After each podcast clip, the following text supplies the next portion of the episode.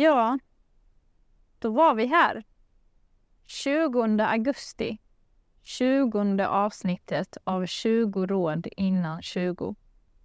Jag sitter här tillsammans med Nour Saidi. Hej Nour! Hej! Hur mår du? Jag mår bra. Skönt att höra.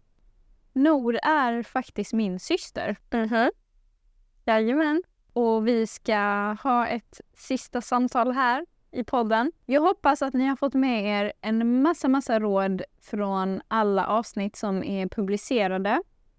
Men är det så att ni inte har fått ihop en lista på 20 stycken saker, då är det här avsnittet just för dig.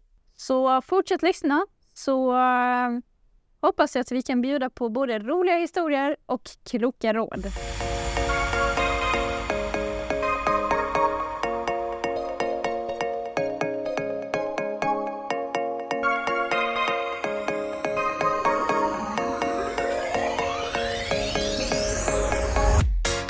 Nor, hur hade du beskrivit vår syskonrelation? Komplicerad. det var faktiskt ett väldigt bra ord. Ja. Ibland så är vi vänner och ibland är vi fiender. Och igår var vi fiender faktiskt. Ja. Så det tar, det tar lite emot att spela in idag. Men eh, innan vi kör igång med alla stories så vill jag faktiskt också att du ska få samma fråga som alla mina intervjupersoner har fått. Hur var du som barn? Jag skulle säga att jag som barn var väldigt nyfiken. Jag ville testa det mesta, se det mesta, upptäcka det mesta. Eh, jag hade väldigt mycket energi. Jag började gå redan när jag var ja, jag, jag började ställa mig upp när jag var sex månader och började liksom hoppa runt när jag var nio månader gammal. Jag var väldigt frispråkig som ung. Jag sa alltid vad jag tänkte på och var sjukt ärlig, ibland lite för ärlig. Sen ville jag också ha en hel del uppmärksamhet. Och det är väl kanske inte så konstigt, för jag är ju faktiskt mellanbarnet. Vi har ju en lillebror. Så det blev väldigt ofta att jag kanske blev det bortglömda barnet. Sen skulle jag även säga att jag hamnade väldigt ofta i trubbel och allmänt har varit med om väldigt märkliga upplevelser. Um, och det höjer lite till att jag varit väldigt nyfiken som person och uh, varit uh, i min lilla egna värld med mina äventyr eh, följt av det så stod jag oftast för alla storytimes hemma. Och det skulle jag säga är något som följer med mig än idag. Något som jag fortfarande är, eh, är just nyfiken som person.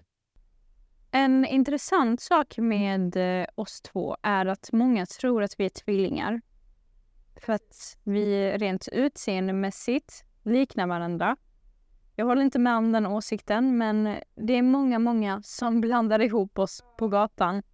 Ja, det är väldigt ofta Fatimas vänner går fram till mig och tror att jag är Fatima och att mina vänner kommer fram till Fatima och tror att hon är jag. Och vad har det gjort med dig och med oss egentligen? vad har det gjort med mig? Trauma! Nej men så, om vi ska bena ut det till folk som inte fattar. Hur känns det att ha en tvilling som inte är din tvilling? Nej, men det, det kan vara väldigt jobbigt för att vi två har blivit väldigt mycket jämförda med varandra under alltså hela, hela vår uppväxt. He, hela vårt liv har vi blivit jämförda och än idag blir vi jämförda dagligen. Eh, och det är ju lite sådär småstörigt eh, att alltid jämföras med någon och ja, men lite som att man värderas genom varandras egenskaper, skulle jag säga. Jag tror väldigt mycket på att när man fokuserar på, eh, på sig själv och inte jämför sig med andra så finner man sina egna styrkor. Där kan man också även bygga på sin självkänsla eh, och inse varandras styrkor. Och det är någonting som jag tycker att vi har blivit bättre på genom åren allt eftersom när vi har liksom byggt på vår egen identitet och lärt känna oss själva på riktigt.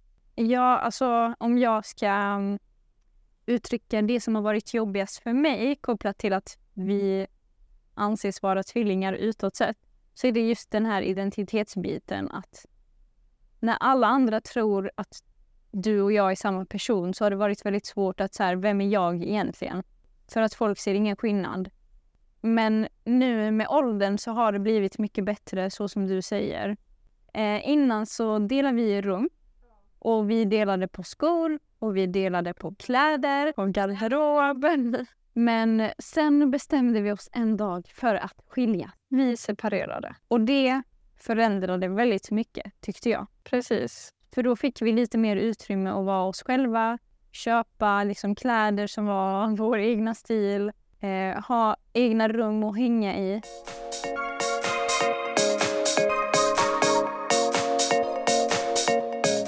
Okej, så jag har en liten storytime från några år tillbaka som är både lite rolig men också lite tragisk.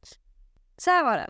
När jag gick på lågstadiet, låg eller mellanstadiet, så hade jag en lärare som hette Karina. Hon var både lärare till mig och Fatima och min mamma kände ju då såklart igen henne. Hon var riktigt bra lärare. Alla älskade henne. Min mamma älskade henne. Och några år senare, när jag hade liksom bytt skola och allting, så får jag höra av flera personer som haft Karina som lärare att hon har gått bort i cancer. Så både jag och min mamma blev sjukt ledsna. Min mamma älskade ju Karina väldigt mycket. Tiden gick och ytterligare några år senare är jag och mamma inne på Rusta och ska handla. Och när vi då ställer oss i en lång, lång kö så känner jag plötsligt en väldigt bekant aura. Kvinnan framför oss hade ryggen mot. Så jag kunde inte riktigt uppfatta vem det var som stod framför oss.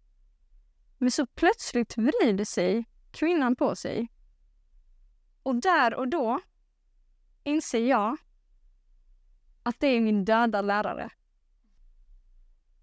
Jag och mamma stod där i total chock. Vi visste inte vad vi skulle ta oss till. Och det var, alltså det var som att vi precis hade sett ett spöke. Och hon försökte liksom hälsa på oss. Men vi, alltså vi var ju helt okontaktbara. Vi kunde inte... Vi var på en helt annan planet. Alltså det gick inte. Så vi bara stod där liksom med hakan i golvet. Så lärdomen av detta är Tro inte på allting. Var källkritiska. Det här rådet skulle jag särskilt vilja rikta till dagens generation. Just eftersom det är väldigt, väldigt lätt att förvränga och vrida på saker genom till exempel sociala medier. Och inte då minst med typ AI nu på senare tid. Eh, har du sett Fatima att, alltså, att det finns scams där folk alltså, vrider på folks eh, alltså, röster och använder det i typ alltså, utpressning? Så de ringer upp en anhörig och liksom använder, alltså låtsas som att de har liksom tagit någons dotter typ. Så att eh, tro inte på allting.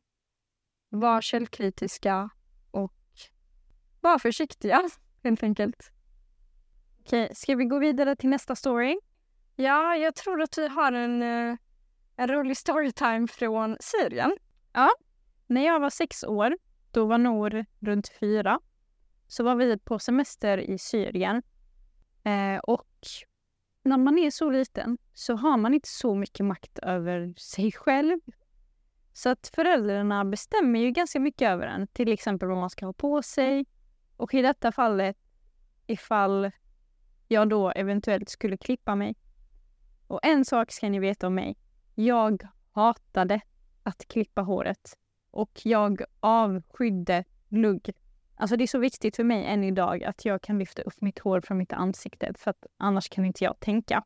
Men mamma bestämde ju sig för att dra med mig till en frisör i Syrien.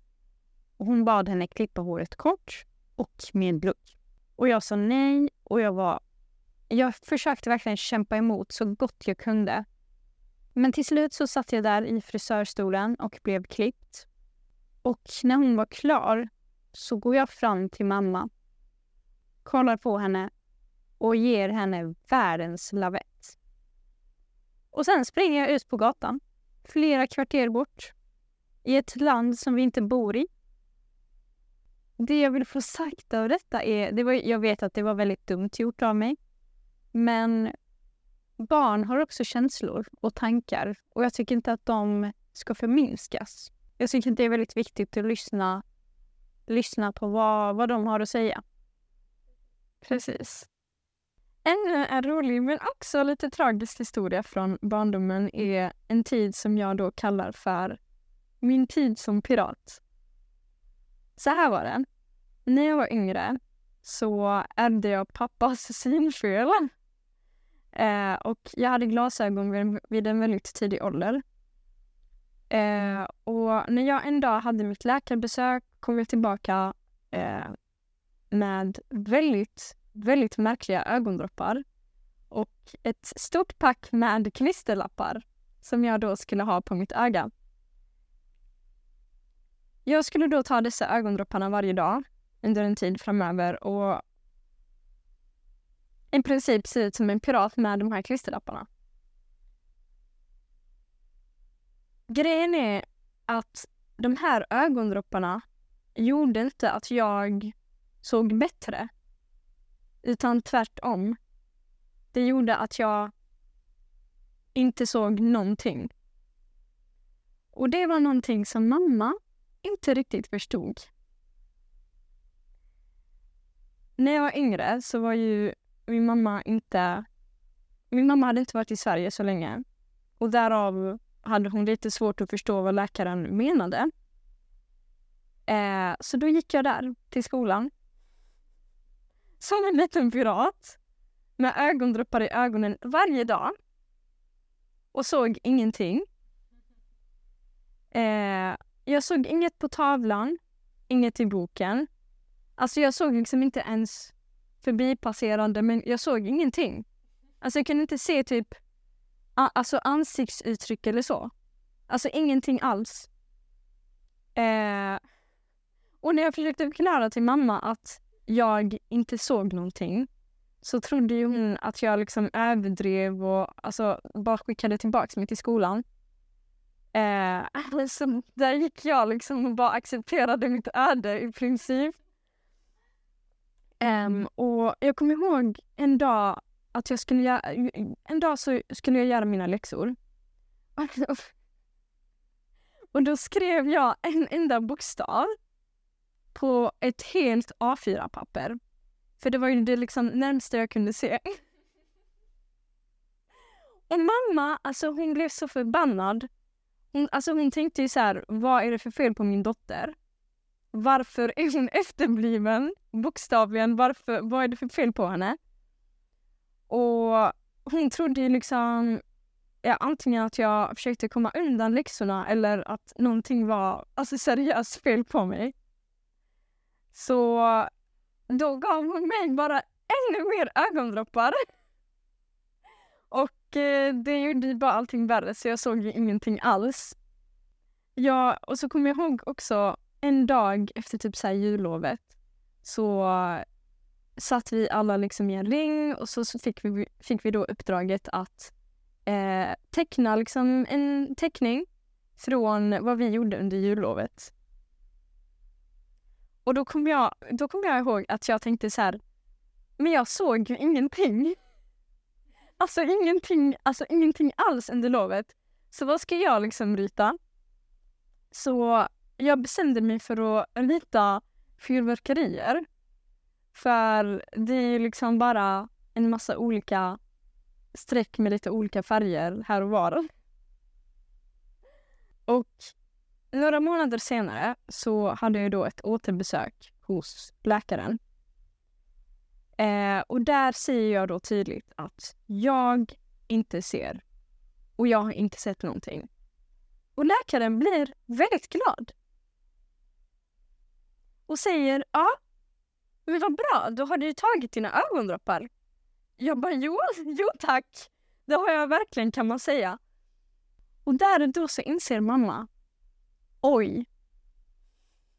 De här ögondropparna, de här ögondropparna gör att hon inte kan se något och inte tvärtom.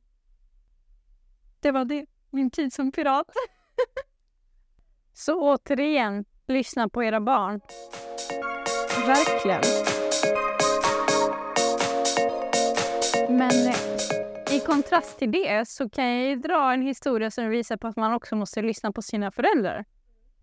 För jag har ett råd och det är spring inte på blött golv. För vad händer annars, Nour? Då kan man faktiskt tappa hakan. Jag har tappat hakan, bokstavligt talat. Eh, det var, jag tror att jag var runt tio år och körde tagen inomhus med min lillebror. Eh, och mamma hade moppat golvet och sa till oss, spring inte in i köket. Men jag var väldigt törstig, så jag lyssnade inte på henne. Sprang in, halkade, slog i ansiktet i någonstans i någon kant och tänkte shit, det lät och hon sa till mig att jag inte skulle springa. Så jag försökte bara smyga ut så tyst som möjligt från köket och ta mig in till badrummet. Eh, och så upptäcker jag då att jag har ett, ett litet sår i badrummet som jag till och med sätter ett plåster för. Men sen inser jag ju att det liksom forsar blod från hakan och mamma och Nor hittar en köttbit i köket. Så jag tappade hakan. Hon tappade hakan. Så vad är lärdomen? Lyssna på din mamma. Eller spring inte på blött golv. Precis. Nästa storytime kallar vi för häst mot folkgrupp. Ja, literally häst mot folkgrupp. Vi gillar ordagranna saker faktiskt. Eh, så att jag var, jag kommer faktiskt inte ihåg exakt hur gammal jag var, men jag var kanske fem år och Nour var tre. Ja. Så jag kommer inte ihåg så mycket av just det här. Nej. Men vi var ute på en promenad tillsammans med mamma och några andra familjekompisar. Och så hittade vi under promenadens gång till en bondgård. Så vi gick in och kollade på djuren. Och sen så ville vi kolla på kossor, så då gick vi in i en hage. Men vi fattade inte riktigt att det var en hage där och då eftersom stängslet var öppet. Eh, och så kollar vi på kossorna. Och till slut så kommer det en häst med ryttare in i hagen som stänger igen hagen också när hon kommer in.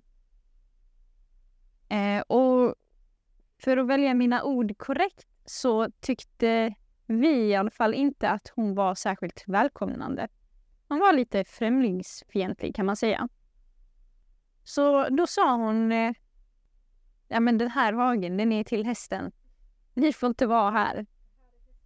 Eh, det är bäst för er att ni eh, börjar springa nu, för att nu kommer den jaga er. Och det här stängslet som hon stängde igen, det var ett sånt här elstängsel. Och vi var ändå liksom en ganska stor grupp på kanske sex, sju personer med barnvagn och allting. Så vi sprang för våra liv. För när hon släppte hästen så började faktiskt hästen springa. Och så försökte vi komma un under de här el elektriska stängslen och ja, kaos. Så vad är lärdomen härifrån? Ibland så måste man bara springa för livet. Har du varit utsatt för rasism någon gång, Nor? Ja, alltså vi har ju haft den här diskussionen innan. För vi ser väldigt olika på det. Eftersom du har en helt annan uppfattning om rasism än vad jag kanske har. Skulle inte du kunna dela med dig av ditt perspektiv på det? Mm. Jag känner att jag har varit lycklig i mitt, lyckligt lottad i mitt liv och inte upplevt särskilt mycket rasism. Det enda tillfället som jag verkligen så kan pinpointa på rak arm, det är en gång eh, när jag gick på trottoaren och du vet när man får ett möte och håller på liksom vänster, höger, vänster, höger, vilken väg. Så gick jag till vänster och då var det en tant som var väldigt sur och ropade i Sverige är det högertrafik. Det är den enda gången som jag kunde känna, okej, okay, hennes avsikt var kanske inte jättegod. Men förutom det så känner inte jag att jag har upplevt rasism. Och du har berättat också att du har väldigt svårt att använda dig av begreppet rasism. För du tycker att det är väldigt grovt.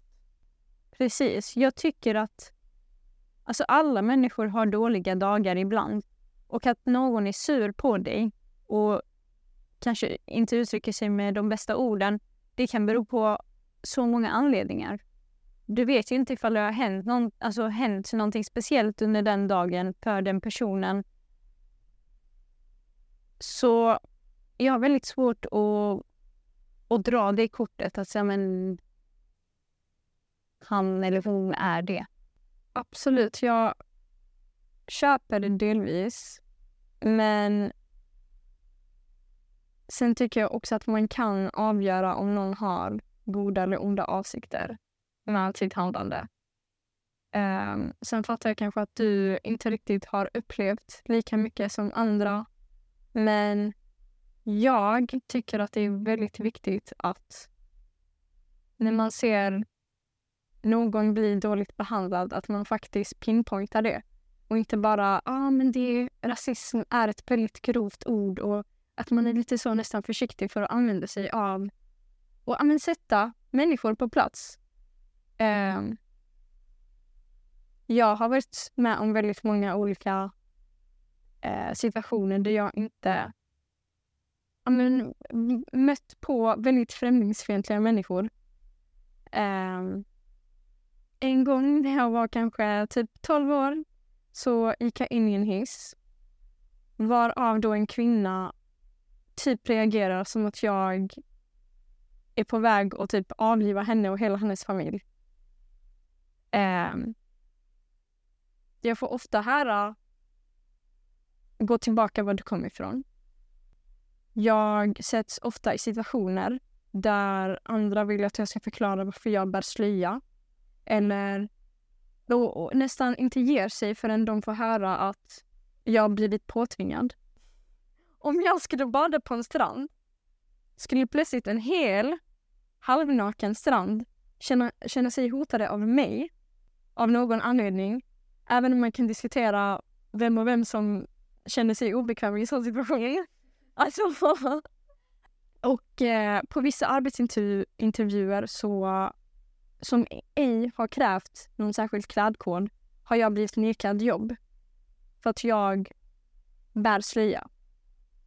En gång så var det en man på stan som kom fram till mig och ja, i princip började klappa mig på huvudet.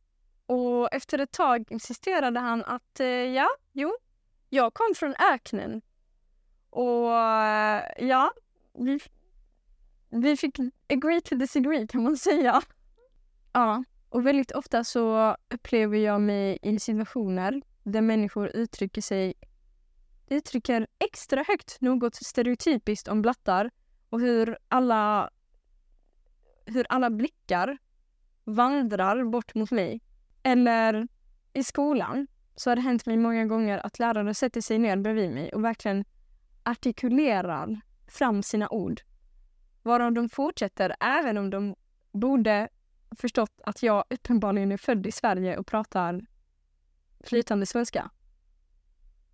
Och där de snabbt skiftar till att prata normalt med ett annat barn. Alltså egentligen har det varit väldigt mycket liknande särbehandlingar egentligen genom hela min uppväxt. I sammanhang eh, med skola och eh, annat. Gud vad sjukt, jag känner typ inte igen mig i någon berättelse. Men okej, okay, vill du dela med dig av någonting till eh, människor som har upplevt samma sak som dig eller som har bevittnat något liknande? Ja, men som jag sa innan. Jag tycker att man ska våga använda ordet rasism. Eh, skillnaden mellan oss två och våra upplevelser skulle jag säga jag sätter jättegärna ner foten och drar gränser för vad som är okej och vad som inte är okej. Och jag vet hur människor bör bli behandlade. Och jag är en person som inte bara kan sitta och acceptera och ta, ta emot att eh, människor inte blir behandlade på ett bra sätt. Eh, så att mitt, mitt tips skulle nog vara att våga säga det du tycker och våga stå upp mot rasism. För jag menar, om, jag vet inte hur länge, så kanske man är hundra år gammal och så sitter man där. Och om man bara har tagit emot och emot och emot, kommer man verkligen känna att ah, jag har gjort skillnad på jorden? Nej, det tror jag inte.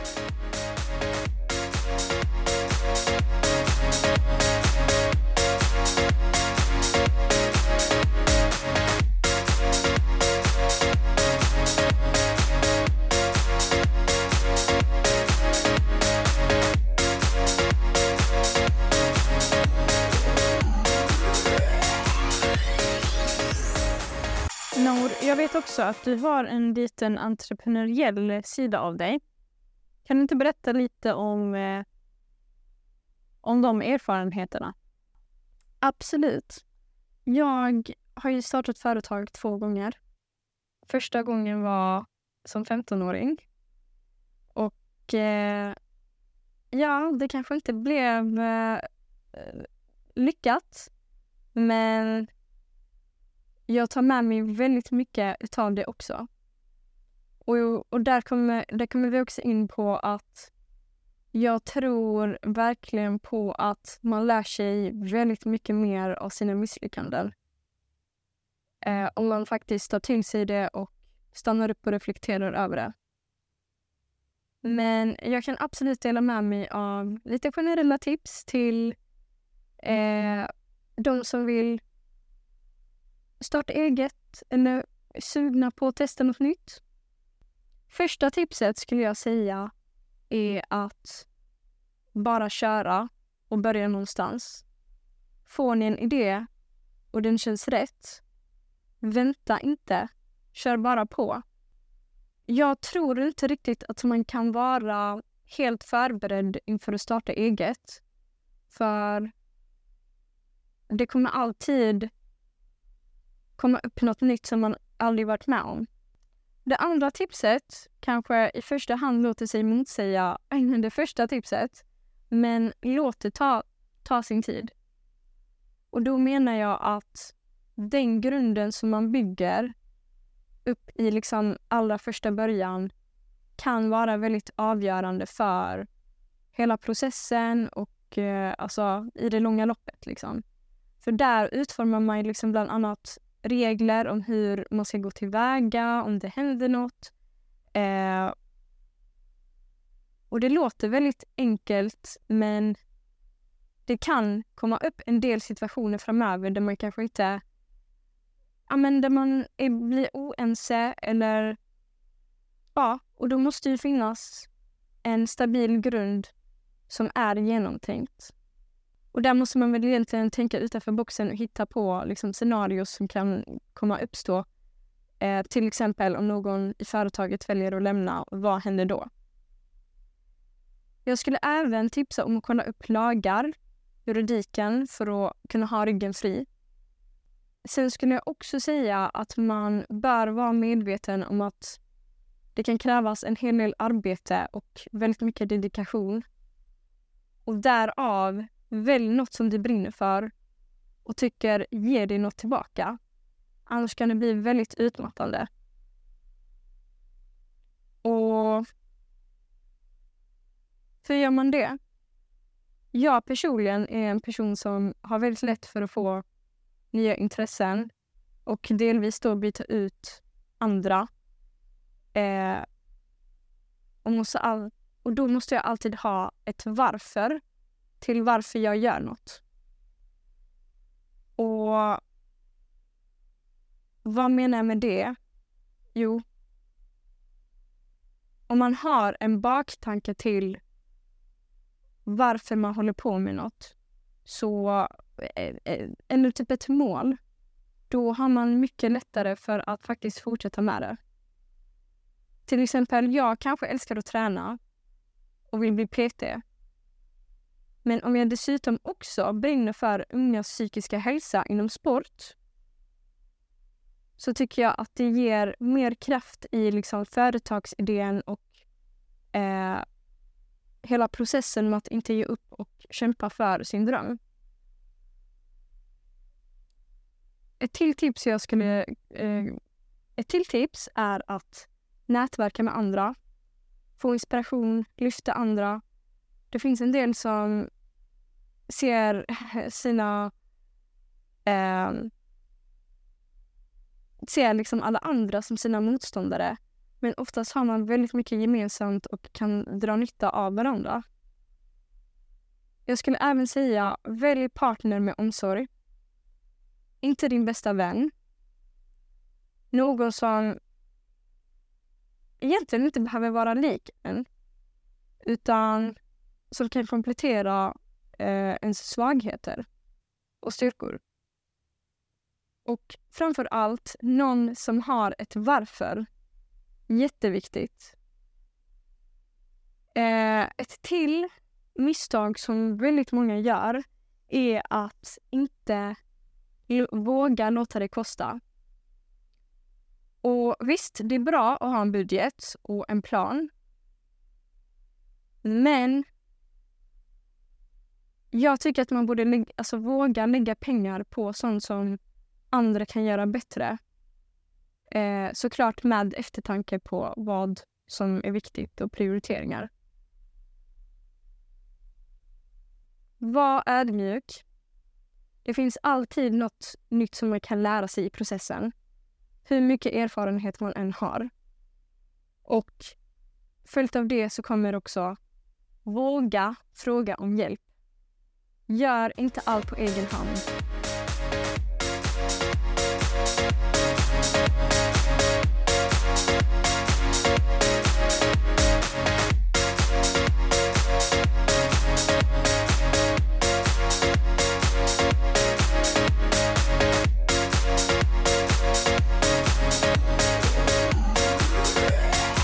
Okej. Fatima, vi har pratat en del om att man ska hitta work-life balance. Hur tycker du man kan bygga upp en livsstil som ger en, en bra balans mellan jobb och fritid? Mm. Det här med work-life balance tycker jag är väldigt intressant. Och innan sommaren så har jag alltid trott att balans, det kommer jag hitta någon gång i framtiden när jag är vuxen och har ett 8 till 5 jobb. För jag tänker att om jag jobbar under de här kontorstimmarna så kan jag sen lämna jobbet på kontoret och åka hem och ha en fritid. Men nu när jag har ett sommarjobb som är på ett kontor så känner jag att jag tar med mig jobbet hem. Inte för att någon har tvingat mig till det utan tankarna finns bara kvar och inspirationen kommer ibland. Jag kan inte styra när den kommer. Ibland är det på morgonen precis när jag vaknat, ibland är det på kvällen innan jag går och lägger mig. Och då vill jag faktiskt utnyttja tillfället och använda min kreativitet när jag får upp en massa idéer och tankar till jobbet. Precis som du säger, jag, jag tror väldigt starkt på att man borde hitta en livsstil där man kan lägga ifrån sig jobbet och göra annat för att stimulera, stimulera sig. Till exempel gå och gymma mitt på dagen. Eh, eller hitta på grejer för att sen jobba några timmar, kanske på kvällen om det skulle liksom funka för den. Eh, sen så skulle jag också säga en grej som väldigt många missar eh, är att det är väldigt lätt och hålla deadlines när man ska till exempel träffa upp någon annan. Men när man har lovat sig själv att ah, men den tiden ska jag göra detta. Då är det väldigt många som missar att faktiskt ah, men respektera sig själv eh, på den fronten och faktiskt hålla det man lovar sig själv. Har du någonsin reflekterat över tidsångest? Ja. Är det något du har? Jag skulle säga absolut till och från. Men det har blivit mycket, mycket bättre. Jag har ju haft väldigt mycket eh, tidsångest i form av att jag har haft väldigt bråttom i mitt liv.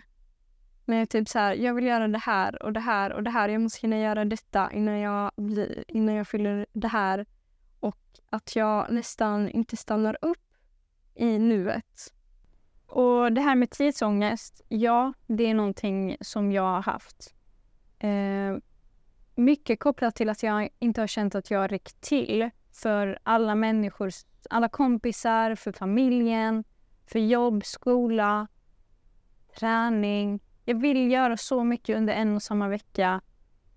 Men eh, det finns bara en Fatima och det finns bara 24 timmar på dygnet. Och där vill jag tipsa er om att försöka uttrycka den otillräckligheten man går runt och bär på till kompisar och till familj. För att oftast är det bara en känsla som man har inombords och som ingen annan håller med om. Och människor har väldigt mycket förståelse för att alla är ju upptagna med sitt egna liv. Och sen att också komma ihåg att det är inte bara ditt ansvar att se till att du och din kompis träffas, utan det är lika mycket din kompis ansvar. Jag har ju då haft en mentor, Helena. Och en dag så snackade vi då om att jag oftast har väldigt bråttom och vill aldrig liksom stanna upp och leta konstant efter nästa projekt. Och då frågade hon mig varför. Och då sa jag att livet är kort. För jag har ju ofta fått höra att ja, men plötsligt är man där och livet har liksom nästan passerat förbi. Och då sa hon till mig, Nor, är det någonting jag har lärt mig så är det att livet inte är kort. Alltså visst, tekniskt sett så vet man aldrig sista dagen man vandrar på jorden. Men det är inte heller någonting som man ska gå runt och tänka på. Och genom att ha ett mindset om att livet är kort så blir livet kort. När man, inte kan när man inte kan stanna upp i nuet och faktiskt upplever dagen så kommer man få uppfattningen av att allting blir mycket kortare. Så det är nästan, det blir vad man, vad man gör det till. Och även om livet skulle bli kort så vill man då hellre, vill man då hellre alltså bara alltså swisha förbi livet eller vill man faktiskt stanna upp och njuta av det man har och får?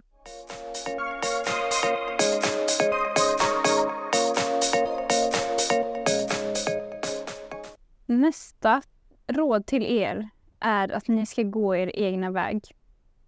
Som två stycken araber här så vet vi att många föräldrar där ute vill att deras barn ska bli en doktor eller ingenjör. Men i slutet av dagen så tycker vi i alla fall att du ska bli det du vill bli. Ja, för i slutändan så är det din egen lycka som faktiskt spelar roll. Precis, och jag tror att dina föräldrar hade varit stolta över dig i slutändan oavsett vilken utbildning eller vilket jobb du skaffar för att de vill bara att du ska må bra. Men Fatima, det är väldigt enkelt att säga bry dig inte om vad andra tycker. Men hur gör man egentligen för att man inte ska bry sig om vad andra tycker? Jag tycker att man ska ha lite skinn på näsan. Att man, eh, att man lyssnar in vad andra har att säga. För att konstruktiv kritik är alltid bra. Men sen har du en egen hjärna och egna tankar och åsikter. Och du bestämmer över ditt liv. Jag skulle säga utsätt dig för jobbiga situationer tills det att man inte tycker att någonting är jobbigt längre. Och i stunden så, så är det väldigt jobbigt men i efterhand så är det väldigt mycket värt det. Och sen tror jag också att hela den här grejen med att bry sig om vad andra tycker grundar sig i att man just tror vad andra tycker. För oftast vet man inte vad andra egentligen tänker. Um, så på ett sätt, vi människor är väldigt bra på komplicerade komplicera grejer. Eh, men okej, okay, vi säger att en person skulle kanske tycka illa om en. Även om de kanske inte säger det. Då känner jag lite så här, okej. Okay, ska det liksom stoppa dig då från att uppfylla dina drömmar? Det kommer ju ändå liksom inte påverka vad de tycker om dig. Eh, vi säger att du skulle älska sushi och någon skulle säga usch, det är det vidrigaste jag vet. Kommer du sluta käka sushi? Nej. Nej, precis. Och om någon faktiskt tar och uttrycker det face to face, ja, då säger det mer om personen i fråga än om en själv. Och sen så, precis som du sa, jag tror att det är väldigt viktigt att inse att man inte kan kontrollera hur folk tänker och tycker. Och att det är i princip slöseri med tid att tänka och försöka kontrollera vad andra ska tycka om en. Eh, för det kommer alltid finnas människor som älskar en och människor som hatar den. Eh, och jag tror att... Jag tror att mycket sitter i huvudet. Att genom att själv bemöta andra med en öppenhet så kommer man också så småningom känna att jobbig, jobbiga saker känns lättare. Um, jag tror starkt på att det hjälper en själv att vara öppen och se saker från ett annat perspektiv för att själv inte övertänka hur man sen blir bemött. Ett till tips som jag har är att håll aldrig en bra tanke för dig själv. Säg fina saker om andra till, till vare sig det är någon du känner eller främlingar. Um, för det gör bara andra glada och sprider positivitet. Skratta mycket, ha kul, ta inte livet på allt för stort allvar. Tacksam. Ångra aldrig någonting du har gjort. Det är verkligen mitt motto i livet skulle jag säga. Att aldrig ångra någonting som man har gjort. Har du ett sånt motto Fatima? Det är väl nog ta inte livet på för stort allvar. Att det har kommit in i mitt liv nu denna sommaren. Har du någon rolig historia bakom det? Nej, det är nog snarare tragiska historier och typ så här stress och press och och mycket liksom, livet är allvarligt och den här deadlinen måste hållas och nu händer den här katastrofen och den här motgången har uppstått som till slut då har lett till att det löser sig. Skitsamma, vem bryr sig? Jag orkar inte, det här blir bra ändå. Är det en lärdom som jag verkligen har lärt mig så är mm. det att allting löser sig. Och därför har jag lärt mig att när jag hamnar i jobbiga situationer så har jag lärt mig att tänka mindre på det. För jag vet, jag, jag, kommer, jag vet att allting kommer lösa sig. Och det är bara onödig energi och stress att sitta och tänka på det. Jag och Fatima hade tidigare en debatt om vänskap och relationer. Eh, varav jag tyckte att en vän kan ibland vara bättre än tio vänner. Och Fatima tyckte att tio vänner är bättre än en. Ja, alltså grejen är att vi båda förstår varandras perspektiv. Så jag håller med dig kring det här med att kvalitet är bättre än kvantitet. Precis. Och jag förstår också att du menar på att eh, tio personer kan ge fler perspektiv än vad en person kan ge. Precis, och att en människa är... Eller jag känner att jag har behov av att vara på olika sätt, att ha lite olika roller. Och jag är på olika sätt när jag hänger med olika kompisar. Och jag tror inte att jag hade blivit tillfredsställd av att bara ha en enda vän. Mm, jag köper det. det kan jag förstå. Jag personligen eh, känner inte riktigt det behovet av... För vi snackade ganska mycket om att typ du vill, du vill inte känna dig begränsad till en viss person. Och jag skulle säga att jag inte har problem med att umgås med mig själv. Och därför känner inte jag att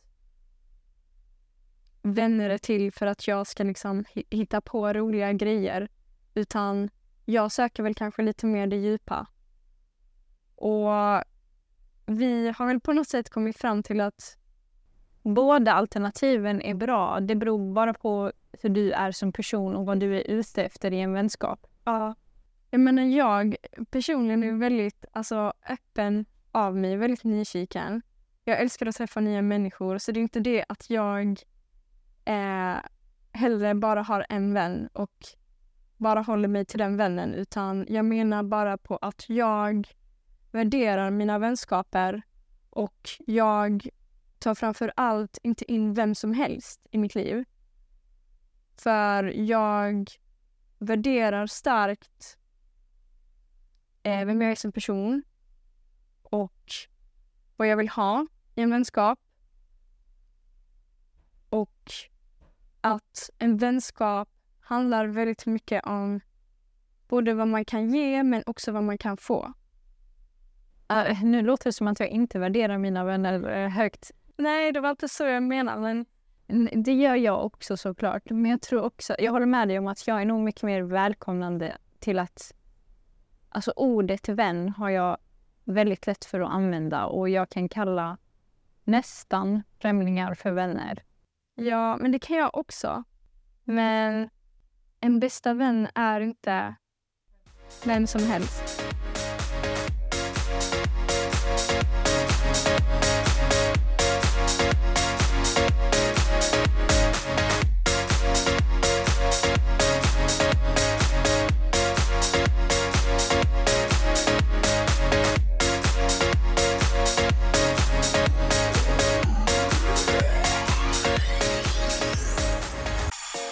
Ja, Fatima. Det var 20 avsnittet av 20 råd inom 20. Hur, hur känns det? Wow, alltså har jag spelat in så många avsnitt? Mm, det känns lite tråkigt att det här kanske är sista avsnittet någonsin. Nej då.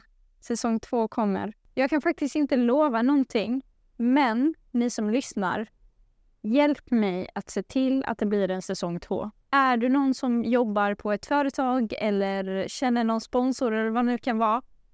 Se till att de hör av sig. Så kanske det kan bli en säsong två. Precis. Och innan det här avsnittet tar sitt slut så vill jag tacka för att jag fick vara med i podden. Jag vill ge en stor eloge till både Fatima och Bianca som har kämpat med podden och eh, jag som har varit med lite i bak, bakom i kulisserna har fått se att eh, de har strugglat en del med, eh, ja, haft sina utmaningar med podden. Så att verkligen bra jobbat och sjukt bra initiativ, verkligen. Tack så mycket. Och tack för att du ville vara med. Tack